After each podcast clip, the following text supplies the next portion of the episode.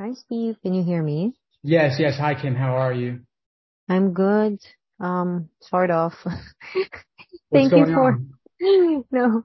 Um, it's good because I got a really good break, right? Like, I know that I haven't been responsive in terms of like, um, emails and such, but we got back, um, just today, but my youngest started vomiting, like the entire. Oh entire no. day. I know. The entire day. Oh, that's awful. I'm so sorry to hear it. I know. I think she she must have. You know how things are during the holidays. Like you don't really you eat all sorts of stuff, right? And that they're at the age that they put everything in their mouth. Yeah. So I think somewhere along the way, um, yeah. But hopefully everything's gonna be better.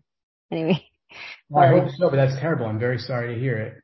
I know. I hope you had a good holiday because that's that was also pretty right. Like um, is that right? Like eight days, so it ends right about this time of the year.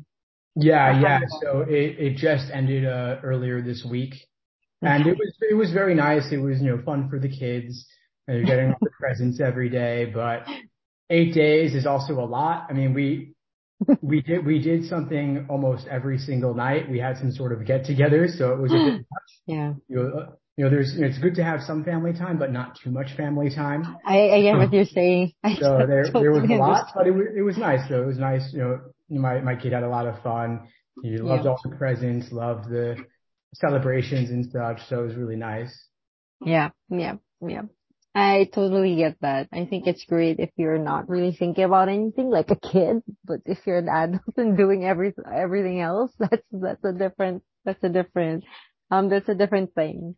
Yeah. Um okay, anyway, I want I wanted us to go over I, I didn't want to cancel tonight because there are a couple of things that I needed to ask you regarding the email. So just an One, one update. thing first, just, um, sure. if you feel like, you know, you have to take care of your little one who's sick, like we don't, and I, I, I appreciate that you didn't want to cancel, but we can keep this as short as we need to. Yes. We don't have to do a full hour. Sure, We don't have to cover. I I emailed you a million things and we'll get to them, we'll get to them, but not, nothing there is really urgent. Sure, sure, sure. Um, so first, uh, we're all good with 1Password. Um, so just to clarify, um, the, uh, what do you call this? The free, um, account ends in 14 days. So are we going to get the team account or are we just going to get separate ones, like one for me and one for you, just so that the password sharing is all in one place? Yeah. So I think, I don't think we need a team one. Okay. Yeah, we don't need a business one. I think that's too much. Um, there was one, I think it's more of like a family account, I think. I'm not so sure if, if that's something that you're looking into or, I looked at it, but I didn't, I didn't think that we necessarily needed that either. I think that Okay. each of us having individual paid ones is Okay. sufficient because Yeah. we don't need the um we, we don't need the per- recipient of the password to have a Yes. account themselves. So That's the right. it's nice That's that the, the the the one the paid the paid personal one is actually is sufficient for our needs right now. I think.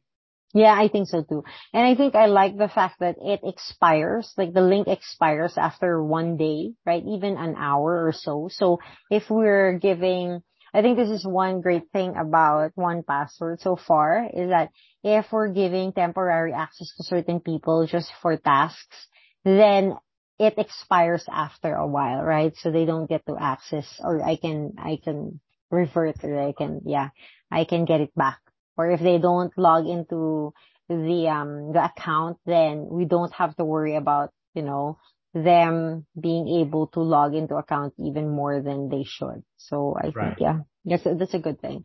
Um, the only thing that I noticed though with 1Password is that I, I'm not probably because I, ha- I still don't know how to use it, but it seems like I have to enter the the email of each person all the time. Like it doesn't remember people that you've sent passwords too. I don't know if that's on my end. Maybe there's something that I still have to figure out in 1Password because I think that's the only thing that, you know, but it's, it's not a big thing. I mean, it, everything is in the Biz Hub anyway, so I just copy, um, email addresses anyway. Yep. Um, Okay. Yeah. and I don't. thi- then, I don't think I. I I haven't shared too many passwords there, but yeah, it may be that it doesn't remember. Uh, Yeah. Those people you sent to. Yeah, that could be. Yeah. And then I've um I've updated the Biz Hub with the passwords. If I think if not um in the next couple of days, I will delete all these passwords already, even if they're old passwords in the LastPass account, just to be sure, right? Um, I am deleting some of them already as we go, but most of the important ones, they're no longer shared in LastPass. So the ones like Stripe, um, Gmail accounts, they're all in 1Password already, and they have never, um, the new ones are not in LastPass. So I don't think we have any issues with breach anymore. Um, okay, so that's one. The other one that I wanted to really talk about was the, um, exploring weekly recurring versus monthly. Also because I wanted to think, um, think this through over the, um, the next couple of days, if ever we are going to execute this one. So my first question is, um, how will your money back guarantee work there? Yeah, great question. So I would reduce the money back guarantee to seven days. Mm, that's a, that's actually a pretty good idea. Um, I don't know what, like what you said, you know, we don't know the effect of this one. What I like about a seven day money back guarantee is that we don't get into um them at the end of the 30th day wanting a refund because it, it also affects i'm pretty sure you check your financials right like in um in stripe right it really affects like if you have at the end of the week or I mean, at the end of the week, that's fine because it gives you already seven days to figure out whether you're going to an issue a refund or not. But after 30 days and issuing a refund really messes up a lot of things, especially if you don't have like a single fund that you get from for refunds. Do you get what I'm saying? Like, um, every time we have to issue a refund, if your Stripe account isn't loaded yet, then you'll have to load it right? Um, Right. and I think it's a, I think, um, on a, um, if, if we want to see the, um, the balance sheet in a way at the end of the month, it can, it can really mess things up with the, with the 30 day money back. I do understand though, because it is appealing to a lot of people that, oh wow, 30 day money back guarantee. But what happens, and we've seen this also a lot, that people say, okay, I forget I forget to um cancel it and then I want the 30 money 30 day money back guarantee. You get you get you get it? Like um that's a double whammy because now we are issuing refunds for two months. Right? So um versus like if it's seven days, then you're just issuing refunds for two weeks. Right? Yeah. Yeah. No, I, I totally agree what you're saying. They feel a lot more entitled to a, a bigger refund because we're giving them 30 days. In contrast, if Yeah. they let it renew for four weeks for to be a month, this Yeah. time we can say to them, hey, it was a seven day money back guarantee and Yeah. they're less likely to fight it to the same extent. Yes. And I think also just having a um seven day money back guarantee, just having like some sort of refund and it's a smaller refund makes it also a lot like like what you said, there will be less back and forth, there will be less fighting against it because it's like, oh okay, I got a refund anyway, right? Yeah. And it's there that it's just a seven day money back guarantee. I think it's worth um worth exploring. Yeah, I never really thought about it, but yeah, the 30 day money back guarantee, I know for a fact we've had discussions with Anna wherein she'd say, can we not issue a refund? Like, you know, it's not our fault anyway. Um, but because of our money back guarantee, we, we usually issue a refund, right? So I think with this one, we can play around with different templates saying, oh, this is a seven day money back guarantee. Um, that's also, that also means that we're going to change the sales pages, right? Because we're going to be doing the seven day money back guarantee versus the 30 day. Yeah. Yeah. So I'll change it in Blogspot for now. Mm-hmm.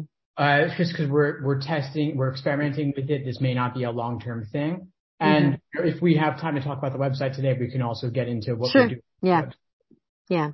Okay. So that was the first one. The second one is, um, with the, um, hours and also the change of, um, staffing, right? I, mean, how we're going to look at staffing, um, moving forward. So I got your emails about that. I think, um, I have a couple of thoughts regarding that one. I think the current team that we have is a good admin team. Um, I also agree with you that they're not the best people if we're going to rely on them when it comes to sales, when it comes to marketing.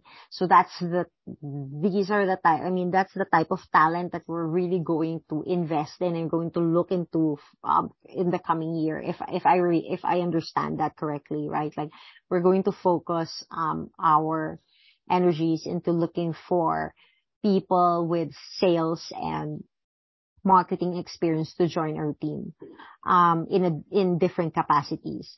Uh, I do believe that the current team that we have is good for admin for admin work. Um, both, uh, I mean, it's always good to have like people, uh, you know, going around um, doing administrative staff stuff because you have a lot of things going on, right? So you'll always need people who will be you know, doing this or that, uh, asking them to do tasks. They are available. They're doing it. Um, I agree with so far. Um, for the past two weeks, although it's different because, you know, like what you said, it's a bit low, slower and also quieter around this time of the year. But we've put Jessa on that, um, uh, on that shift. So she's on a 20 hour shift um, she only spends about two hours checking emails and doing other um, tasks that we ask her, like, you know, check this, do this, um, a lot of things actually on the back end. Uh, and I think this is gonna go and it's gonna work out well. Um, but yes, in terms of like answering emails, we really are going to, um, so am I right in understanding that even the CSS we are looking for somebody with sales experience. Because you said that you wanted um a commission sales a commission based sales team. Are we talking about calls all the time or is it a combination of uh, answering messages as well? That's a great question. Yeah that's a really great question. So mm-hmm. yeah I've been thinking about a sales team in the context specifically of conducting sales calls. However, mm-hmm. the salespeople do need to be able to follow up with prospects via mm-hmm. email as well and be in touch with them over email, especially after a call. As for how exactly we bring that to life, I'm not totally sure because that would mean that they are somehow they're, they've got access to help out or they have their own email account of some kind, that would be, that would be important for them. Yeah. I mean, we've, you know, we, we haven't needed to give email access for the instructors, for example, but for the salespeople, it is important. Yeah. And if we're hiring someone who is not a salesperson doing, who does calls, I do think that we should think more about what how we envision the role of the CSS. I mean, I yeah. see that, you know, someone, you know, um, Jessa, for example, she's responding to every little question that these, these non-clients are asking. So that means that we're investing money in her time and paying her to answer questions from people who are almost certainly never going to buy from us, which mm-hmm. becomes more of like a, a public service charitable sort of thing, which mm-hmm. is not really our role. We're a business. If, you know, the Law School Admission Council is a nonprofit, they can, they, they can take care of those questions for people, but mm-hmm. it's not, it's not our job to do that. And so if we have someone who has emailed us 20 times over the past three years, just asking small questions for free, and they've never bought a single thing, why do we keep answering their questions? And I would rather cut Jess's hours, not have her answer those questions, and leave that person unresp- with no response mm-hmm. after after a certain point. And then instead, we think about okay, well, Jess's role is to serve our current clients, keep them happy, and then for non-clients, move them along the path to becoming clients. That, those are the only two things that our email people should do. Yeah. But I think that's where it's very easy to draw the line and say, okay, Jessa, you're just going to be working on um, emails that are already students, right? And coordinate with our course admins on how to, you know, send whatever it is that they're asking for, whether it's a link to whatever, you know, and things like that. But like what you're saying, keeping them happy, sending, you know, links to your um, personal video messages to these students. I think that's easy to, um, to set up, like in terms of process, the workflow.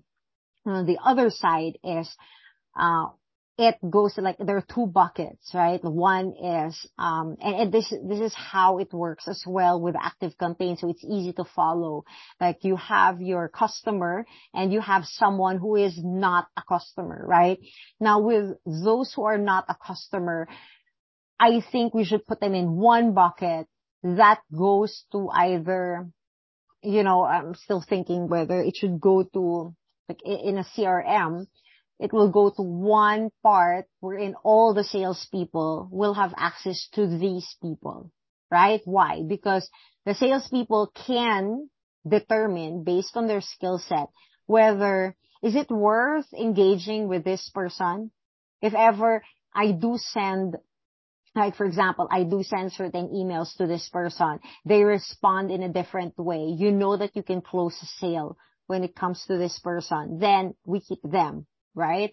If not, then they tag them as, okay, re-engage at some point, right? Because they already, we already have the email address and email address is hard to acquire these days. And um, we do know that we're able to convert through email.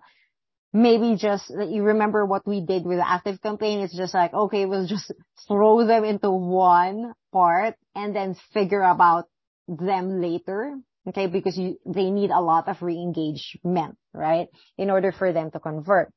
Um, that's where the sales team comes in, right? And like what, uh, related to my question is, yeah, they need access to the email because they can profile based on emails, right? Like, sure, they will, um, the first point of contact for us would either be a message, and this is where it comes in like, you know, hopefully we'll be able to combine all messages from social media accounts.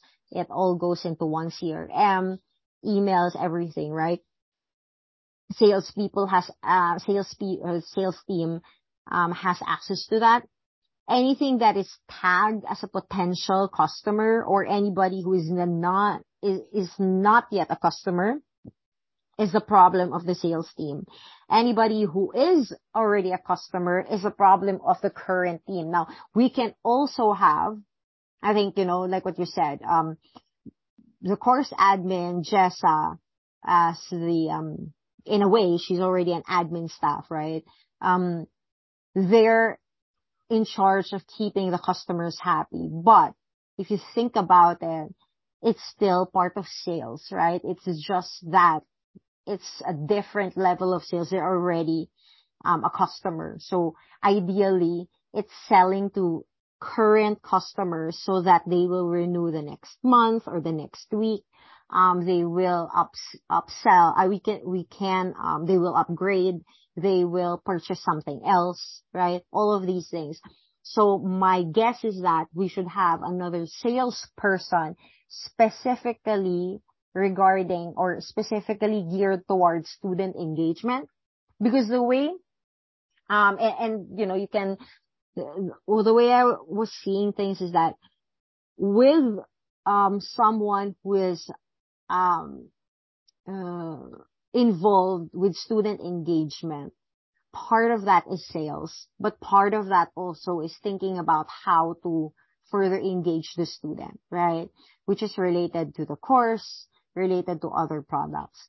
The approach there is very different from how we would approach someone who has never bought from us. And I think this is where what you said in your email about a commission based sales team comes in. Because in that case, you can really say, Hey, okay, um, we have, let's say two people on our sales team.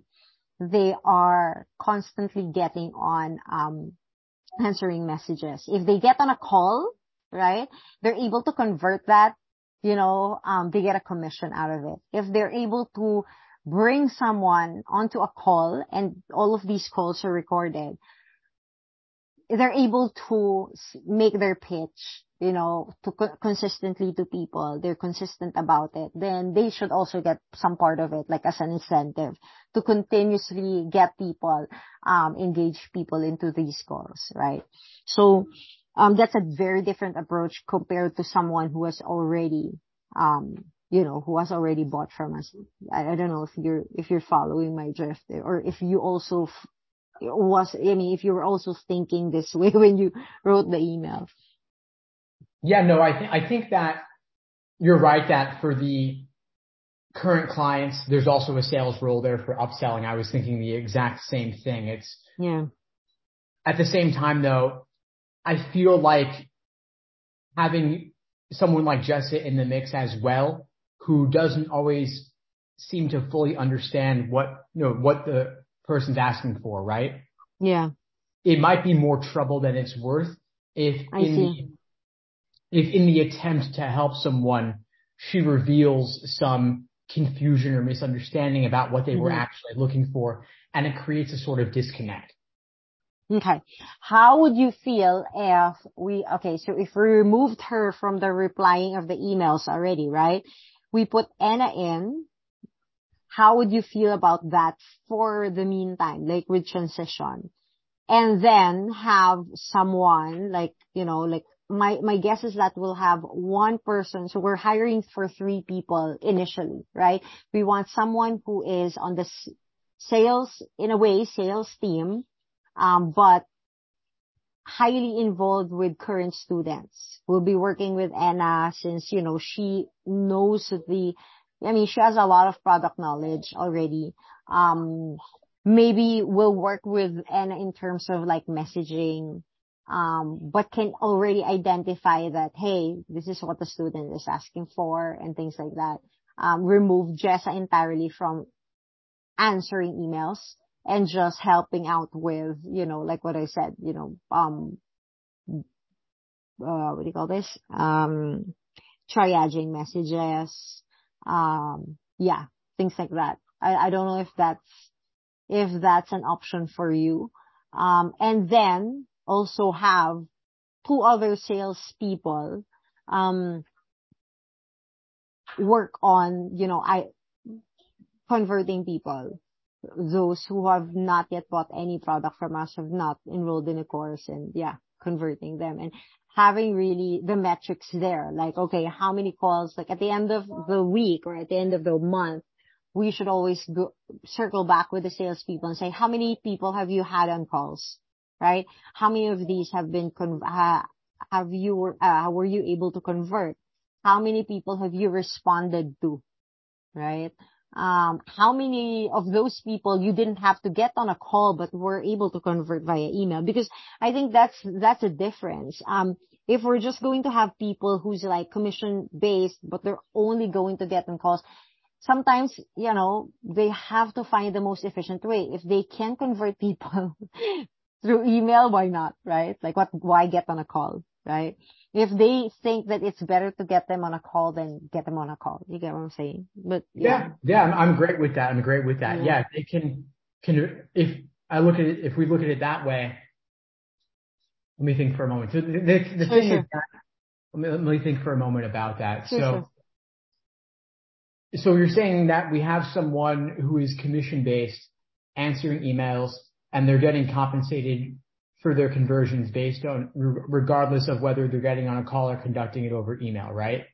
Yes, that's one option because there is another one and I'm not really sure how that will work. The other one is you have a sales team CSS slash slash sales team answering emails and identifying that, hey, this person needs to get on a call. Then it goes to level two. Okay, whoever they, they book a call, right? And whoever is in the sales um, calls team, right? All they do is just get on calls with people who are already primed to because they want to get on a sales call. Um, and so these people, they are, um, how do you say, like focused on, okay, I'm on a call with this person. My goal here is really to convert that person because it took already a back and forth email with somebody else from our team just to get this person on a call. And so you have, let's say, sales, um, salesperson, um, who does the call and is like on a 15 minute call. Uh, we, we, you know, uh, my thinking is that they are available. We set certain times that they're available for calls and we set, um, that, that schedule with them. Like, okay, let's say four hours today we pay them for those four hours, uh, whether someone books a call with them or not. Because they have to be available for those calls. Do you get what I'm saying? Um, they have to make, we have to make sure that they are available for those calls. Um, so that they will block off their schedule because people will be, um, that's one way of doing the commission based sales team. Um, you have two levels there. Someone answering emails someone answering the calls that have already been set. Um, over time though, that can be, that can accumulate because how many calls the salespeople will have will be entirely dependent also on how efficient the person answering emails is to convert them into calls. Do you get what I'm saying? So I'm in favor if we can find the right talent of the first option, wherein you have a sales team, do whatever it takes, whether it's an email or whether you have to get them on a sales call for them to convert. I mean, for you to convert them. Um, that way, it's really a commission based thing. Like, okay, I was able to convert this person. Didn't, you know, it didn't have to be a call. I was able to convert them via email. This person seemed to have more questions. I got on a call with them, was able to convert them yeah. So. Okay. No, I, I get what you're saying. I, I think a lot of it makes sense. My one hesitation is that sure. someone who can be converted over email, if, if, if it takes a lot less work to convert someone over email, then we would be giving away a lot in commissions when we were already going to get the sale pretty much no matter what. I'm remembering that a lot of the questions that people ask over email are, there are, they're already 99% of the way there and they just want to know there's a human being on the other end. The human being could say anything and as long as that thing the human being said was reasonable, the person would convert. I think we can have to, and that's where it comes in. Like, for example, in terms of, um, in terms of commissions, you have like some sort of parameter there. How many of these, um, sales, um, were in a call and all of these calls were recorded, right? Um, how many were converted because of, of a call or a call transpired versus something that transpired through email. And we can see that easily from the, from the, um, from the thread because you can have like two, two sets. Like for example, okay, for every 10 email, uh, 10 conversions via email, you get this commission for every um, this you get you know um, for for something that has to be results into a call and gets converted to um, to a sale then you you get this type of commission now we will have to figure out like what's the best there, there's no perfect when it comes to these things, right? But the idea there is to incentivize them because even if we do incentivize them, even if it was an easy thing, like, okay, you will always have in, in sales, there will always be people that, you know, it was just a matter of them entering the store and buying, right? Same with the online sure. thing. Like it's just a matter of them sending an email and they were really ready to buy. But you'd also think of it this way. If they were ready to buy, but if somebody on the other end didn't answer them the re- the right way, then we would have lost that sale. So I do agree with what you're saying that right now, and I think we have to learn the hard way that right now we're not really looking for customer service people. We're looking for sales people on the other end, whether it's, you know, email or calls. Um, a salesperson with that skill set will be able to convert right? Because we can hire the best customer service people. Um, they're giving, you know, they're, they're doing their job. The problem is they don't see it as a sale because they weren't trained for it. Whereas if you're hiring people who are really out there for sales, they are going to see that email and they will see that that person is ready to convert and that they will do everything that they can in order for them to convert that person. Because right now, the mindset of anyone answering our emails, even Anna, right, is, okay, I'm going to serve you, right? Because that's the skill set, right? Okay, I'm mm-hmm. going to give you what you need. Um, whether you're a customer already or not, I'm going to give you what you need and hope like it's more of like a pray, uh, prayer or Hail Mary yeah, that, okay, yeah. you're going to, you're going to convert. That's their mindset, right? And, you know, that's understandably so because that's how we, we, um, we hire them, right? That's the skill set that we look for. But knowing that right now, what we really need is someone who will see that email and say, okay, if I get to convert you in two emails, right, then great, right?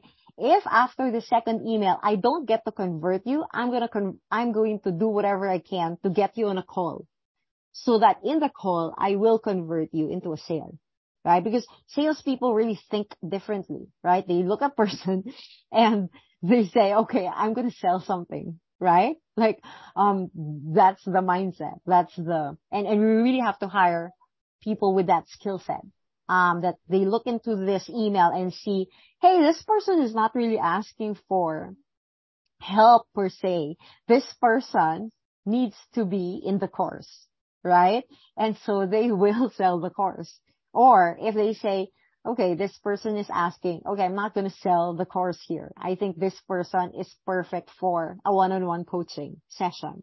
So if the person doesn't say yes via email, then I'm going to get on a call with that person so that I can sell the one-on-one coaching, right? So I think that's where, um, uh, we just have to decide, do we go with, um, finding, and I think, you know, when we start looking for people, that will also answer a question. Do we find people separately? Like people who will be doing sales via email versus people who will be doing sales via call. I think if we're lucky, we can find someone who is really just a salesperson who will do um, conversions via email or calls. Um, if we find that, then great. Uh, my only concern there is really the hours. Salespeople, most of the time, um, if the commissions are not very high, they would want like a set hour, right? Like, okay, I'm gonna hire you for, let's say, and I think four hours a day is too much, right? Um, for salespeople, I think we can say, okay, we'll hire you for two hours per day. And all the sales call will be, um, will be booked during those two hours. And if the sales call usually happens 15 to 20 minutes stops, then that's a lot that they can do within those two hours. I mean, that's, that's one way of looking at it if you want to do the separate thing. Um, and, and we don't have to have the answer now. We can, we can, I'm also going to sit down and really think about this, but I wanted to share my thoughts regarding, um, commission based sales teams because we'll be doing an entirely different approach for, for those two things, right? The, yeah. Whether we're going to get an all-in-one sales team or someone who will be doing emails and then another person doing calls. Yeah. Okay. No, I hear what you're saying. I, I agree with you that the um the approach we've used before of customer service is just kind of helping everybody regardless of sales. And I think that changing the approach now to sales focus makes a lot more sense. I, I like yeah. what you're saying a lot. I wonder if we can simplify the email part prior to getting on a call where we make the workflow just everybody gets on a call because mm. mm-hmm. everybody, we, we just push everybody to get on a call. And the reason is that we're not going to convert somebody for thousands of dollars over email. Those purchases need to happen on a call for $100, 200, even 500 and occasionally a thousand as we see with the elite program or personal statement stuff. That can happen over email. But if we're looking mm-hmm. to convert someone for 5,000 or 10,000, we'll, we will miss the opportunity if we do not get the person on a call. So yeah My yeah. thought is we can simplify the email where Anna or or even Jessica can do that. I've already been asking Jessica to just mail merge to tons of people, just asking them to book calls. Yeah. And the idea is that that that can be a template, and that can be a template outreach to someone yeah. on our list. It can be a response to someone who comes in, whatever they ask us. Do you want to book a call? And yeah. then the salesperson on the call can change, you know, a, a clever, you know, a clever, you know, imagine someone walks into a store and is just browsing. Mm-hmm. They could, if no one approaches them, they can easily walk away and mm-hmm. never buy anything. But yeah. if you can engage them in a conversation, then you can, you can leave them walking out, of, get them to walk out of the store with something they never even intended to purchase. But an email is much too easy to ignore. And so yeah. imagine that someone says, you know, we try to, you know, someone reaches out asking for something free. We say, oh, hey, we actually cover this in our course. Mm-hmm. The person never writes back. Yeah. And I think that's, I think that's actually what would happen the majority over time of, of the time because emails are just too easy to ignore. But yeah. The people who are serious will be willing to get on a call. Yeah, I agree. I mean, even people who are actually curious about it will get on a call and it's easier to convert people on a call because you have like a, a wide range, right? Now, one one of the things that we're also, and I'm pretty sure this is something that will be asked once we hire the right people, is that how do you want it to be? Like, in a way, how do we want um the script to come out? Like, of course, is it um you know, I'll be giving them some sort of training when it comes to product knowledge. Like this is the one-on-one coaching. This, but I remember having this conversation. I think this is the right time for us to circle back with the conversation to profile people that you think would be good for certain products.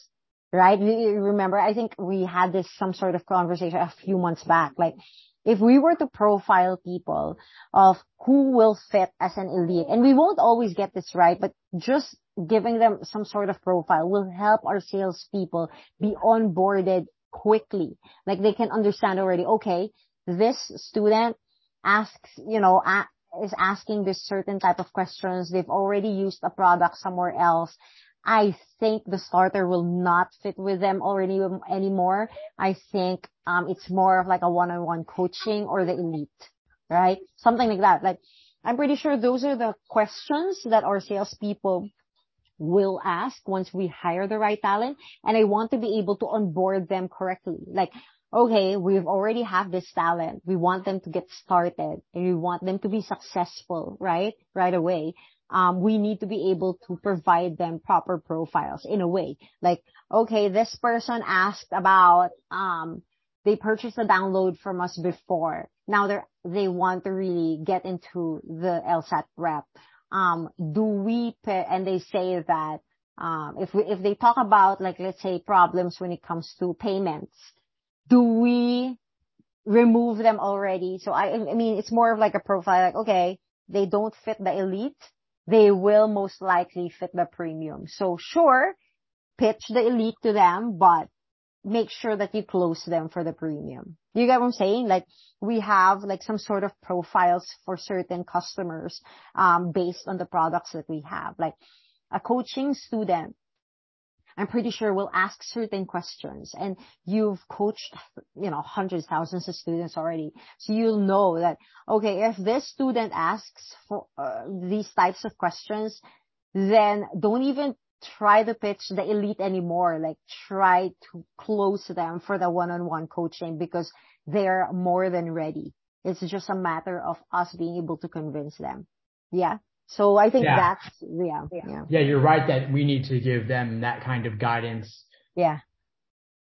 You know, it won't be, it may not be as comprehensive as a, an experienced yes. salesperson is used to, but it could be enough to at least give them a starting point. Yeah. So we can definitely put that together. And that's also where the assessment comes in. Yes. To, yeah. To, to systematize that more so that the, it can give them, it will already give them a profile. And so if we decide, let's say there were 12 questions and each question has four different options, You Yeah. get many, many, many permutations, Yes. but we can still play, we can still place people into seven to 10 major buckets Yes. based on what their, their, um, their score ends up being if we can score them in some way. Yes. And, and now that you mentioned that, that's great because we start with this with our salespeople. Later on, we can actually automate some, a part of it. Like we create, we create some sort of quiz that they're already in your email list. We have, we will be using ActiveCampaign. We have some sort of data that we get there. We ask them to answer some sort of quiz that gives us an idea you know, it shortens the time for them to get on a sales call because even before they get that person a sales call, they've already profiled that person and say, okay, they've answered the, the quiz. This is the answer to that. Um, these are the applicable products. They, um, they say yes to a product. Let's say, okay, this person is, you know, garnered points enough for a one-on-one coaching student. Yes, they, they got, you know, we properly profiled that person they said yes to it. They bought the program.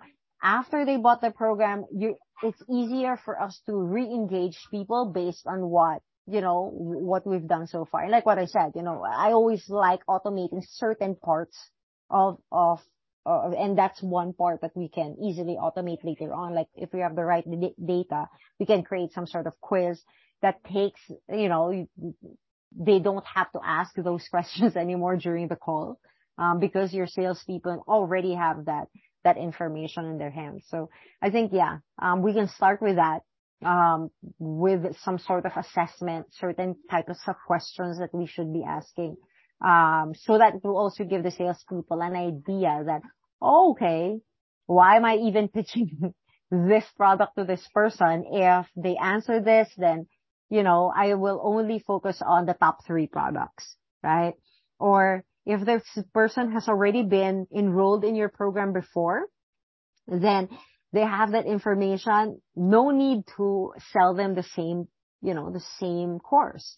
Why not convince them to get on a coaching program, right? So yeah, um, the assessment is really important, especially if we are going to start hiring for, um, I mean, we've done this with all the other positions that we have, right? Um, we learned it by trial and error, but at least we know how to assess people already. Like, okay, would this be a good instructor? Would this be, because you already have a rubric for it. And I think that's the thing for salespeople. Like, okay, how will we, um, if we have this assessment of sort, if after one month the salesperson isn't working, then we look for somebody else, right? But if we really have talented people, we're able to onboard them correctly, then I'm pretty sure, um, you know, we'll be, able to carry out this one for next year. Yeah. Nice, nice. Well, I'm excited. I'm excited about taking this on. I think that it will. This is one of the things that I think can really bring us to another level in terms of the volume and revenue that we have going on, because I feel like looking from a year ago to today, I feel like we're still kind of in the same place. Yeah. And. I think it's, I think in part it's because we've relied largely on that, that prayer, that prayer approach kind Yes. of just, you know, which is, I think a lot, most people do, which is just, you know, the, the content marketing and then hoping that content marketing brings in enough people and then some of those people convert.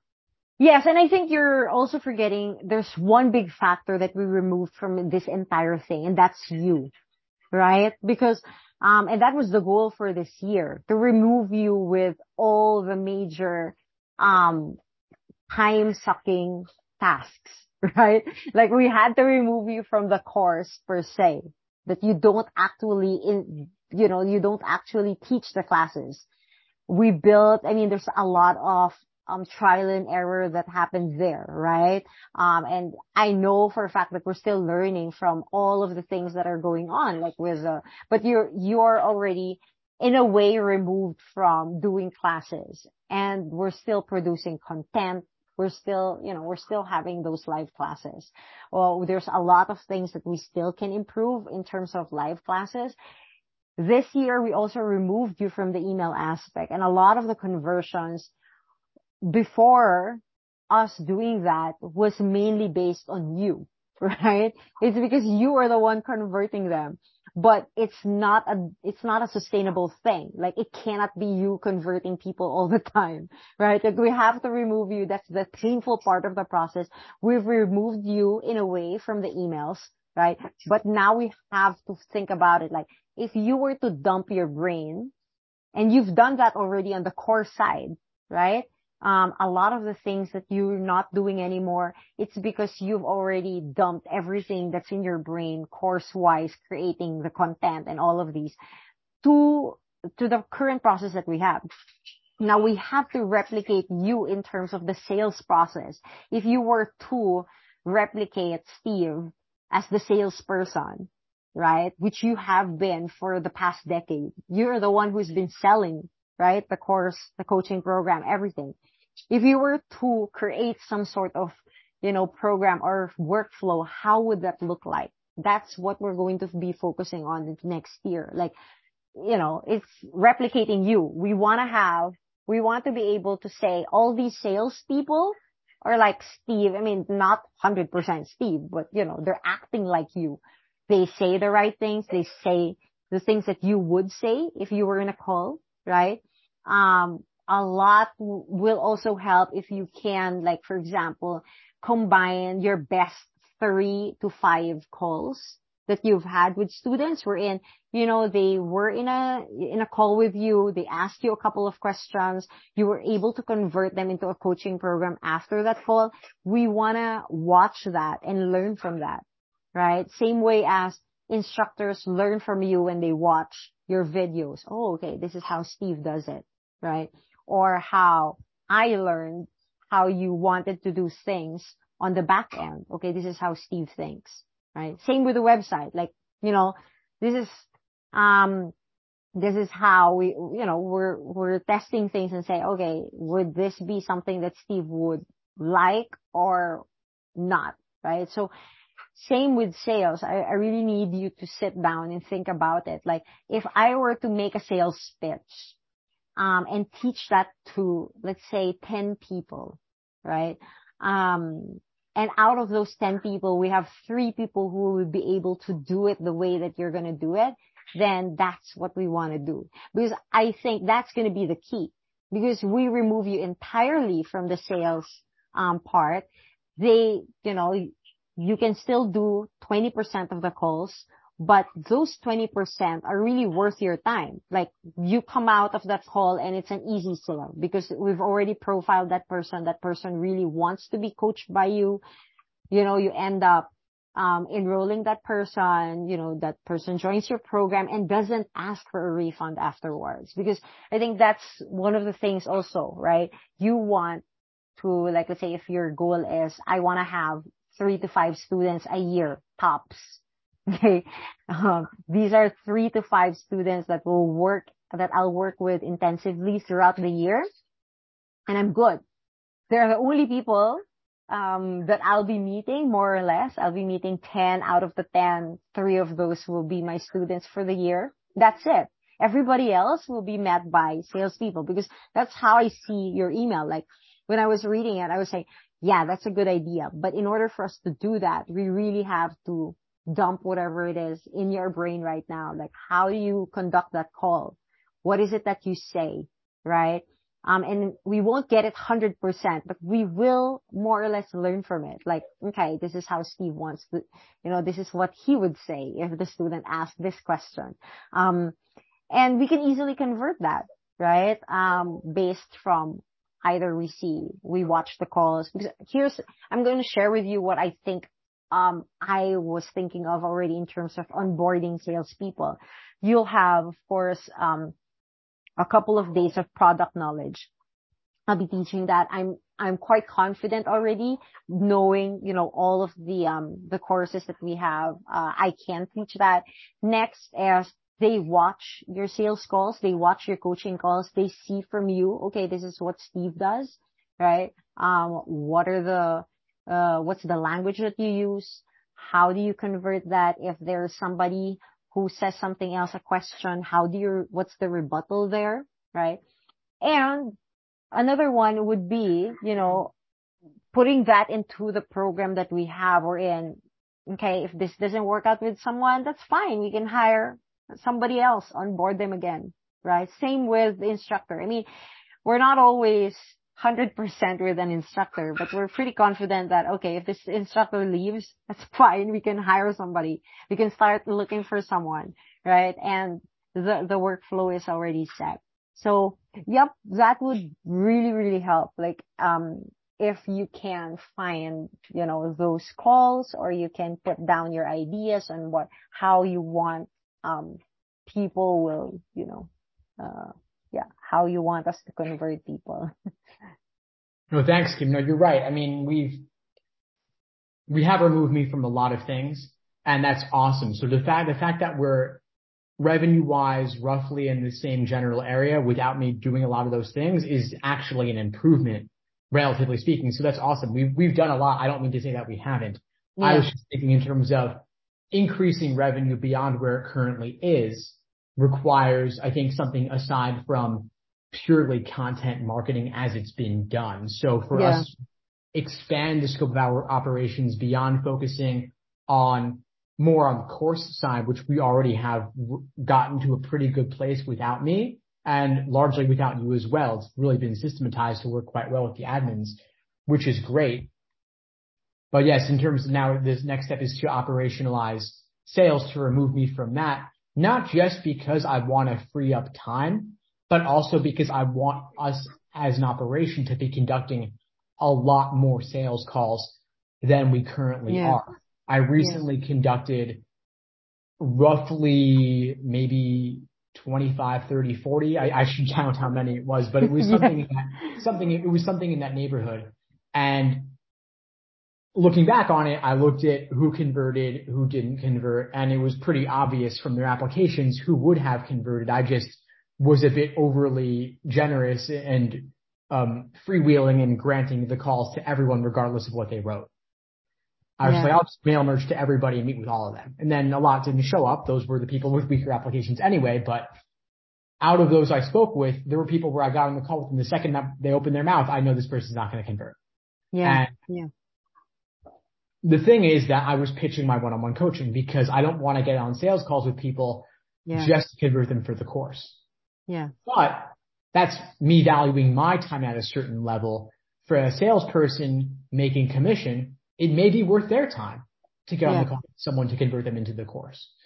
Mm-hmm. And that's where the recurring, the recurring commissions come in to make it worthwhile for them. And so, yeah, I want to, I want that to be the default where we push everyone to get on a call and at least to convert them for one of the lower tier course options. That will be worth the salesperson's time. It'll be worth our time to set up the operation because then we can conduct hundreds of calls a year. Yeah. And increase our recurring revenue, keep the salesperson happy. And again, I don't think those conversions will happen without convincing on a live call. So that's why I'm thinking that at the start, we just have everyone, you know, even, you know, even Jessica can do this, just say book a call, book a call, book a call. And yeah. then people will filter themselves out if they're not interested to not, even book the call. And if the salesperson can convert them in 15, 20 minutes, great. I think that some calls, especially for the higher ticket options, can and should be longer, but it'll be worth their time. And it's not even for us to say how long the call should be. It's up to the salesperson to figure out like how much, based on the quality of this prospect, how much time do I want to spend with them? Yeah. Yeah. I agree. I mean, one of the, I think that's a good start. We, um, we felt, no, we, we, the workflow will be everybody will book a call that way we also have a lot of um how do you say it? like we can learn from this entire thing because if you have like let's say a hundred calls right because you're pushing everyone or hundred people that you want to book a call let's say only 20% book a call there we learn from that experiences alone we can see based from emails right um okay which people we can profile right? Eventually that, okay, um, this person with email alone, I don't think they'll, and it's good. It's a good experience that we filter them with that, that we're offering the call. And then I like what you said about the minute they open their mouth, you had an idea already of whether they're going to ever, um, be a coach. Uh, you know that they're never going to be a coaching student. And that's good, um, that's good insight. Like if you tell the salesperson, okay, if this person says something like this, then don't hard sell the coaching session anymore. Sure, mention, mention the coaching program, but, uh, make sure that you close them for this, for this particular, um, product, right? And that's where the profiling comes in, right? Like, okay, this one most likely will get either an elite premium or starter course or like even in the process of talking to them pitching the main courses you, you know, they say something and you say, ah, oh, no, this person needs to be re-engaged. You know, don't waste your time. I think they still need to be re-engaged in some way, in another form, right?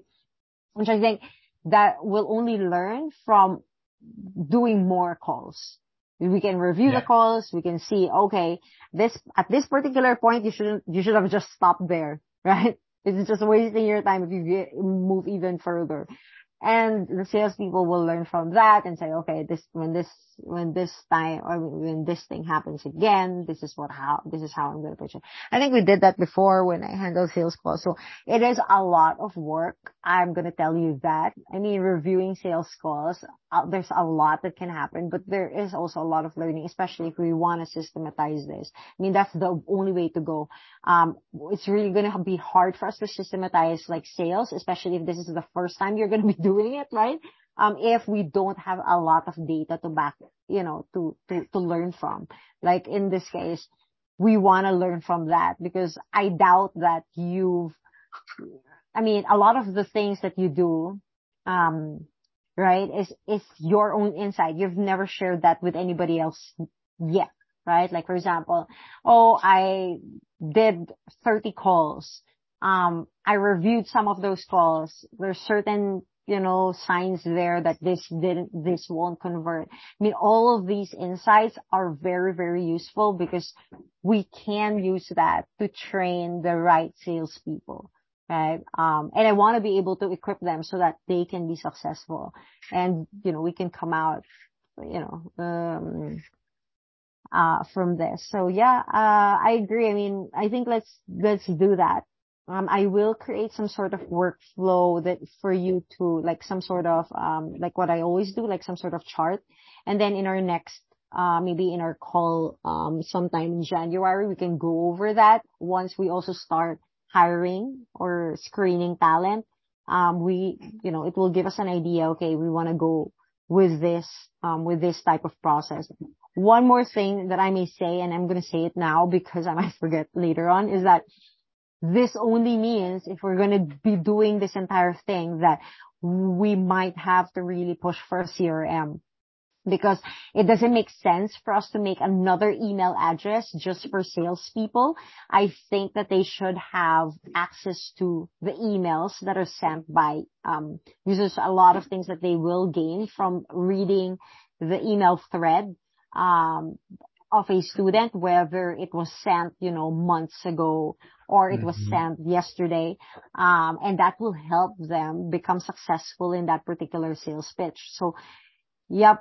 Uh, now that we've discussed this, I will have to go back to Anna and we'll probably have to invest, you know, in a CRM that will give us that, you know, that, that type of feature that you have a separate, um, you know, a separate part there. Because when we were thinking about CRMs, we didn't really think about calls.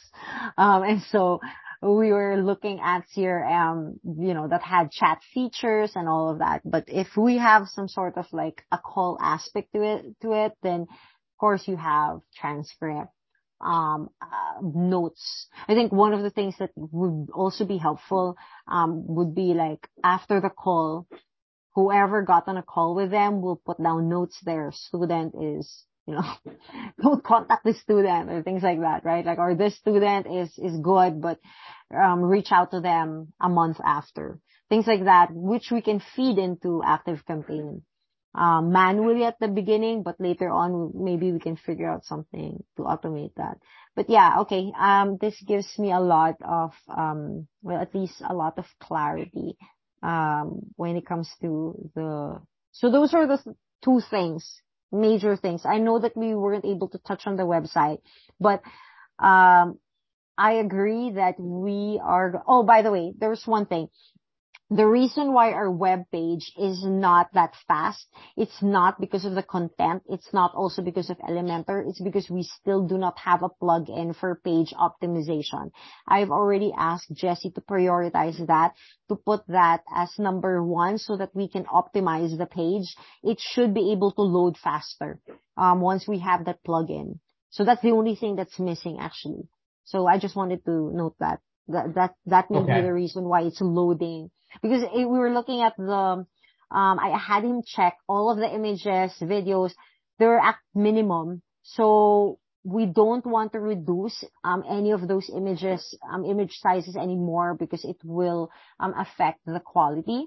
In terms of like making sure that they are, um, uh, yeah, when it comes to like, um, could we use Leadpages? If you want to use Leadpages or if there's anything uh, the thing about Leadpages is that most of it are um, templated anyway. So if there's anything that you see that are, okay, this is Leadpages, this is I want us to be able to copy that, we can do that with Elementor since we already have a paid plan with Elementor.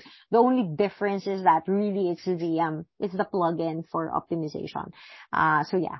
Um, was there anything else with the website before Okay, thanks. So that's good to know about the the page optimization plugin to increase the the page load speed. I'm still not totally. I, I can't really articulate why I feel like some of the sales pages I see look better than what we have on our website. We're already at an hour, so we can save that for next time. But sure. I'll start thinking. I'll start thinking more about you know operationalizing you know how, what I do on these sales calls and what are some of the indicators of of where to where to direct someone but anyway, yeah. I mean, uh, we could we could leave off here for now, and then if you at some point in the next few weeks, if you can send me more questions, that will help me pull this stuff out of my brain. sure, sure, I'll do that. Um, I think I have something like I, I think I have a couple of questions um, when it comes to profiling customers. I think we can start from there, and then yeah, that would be very helpful so that while we're hiring, I'm also creating the onboarding materials for the person, for the people that we'll be hiring because that's a lot. That's like three people. We're doing this for the first time. So yeah, um, I'd like to do this right the first time around. So, yep. Perfect. All right. Thanks so much, Kim. Um, Thanks, Steve. I hope you, I hope you have a happy new year and that you're happy new year. That's right. Hope Um, we hope that 2023 will be much better. So thanks, Steve. Of course. Thanks, Kim. Have a good one. You too. Bye bye. Thanks. Bye.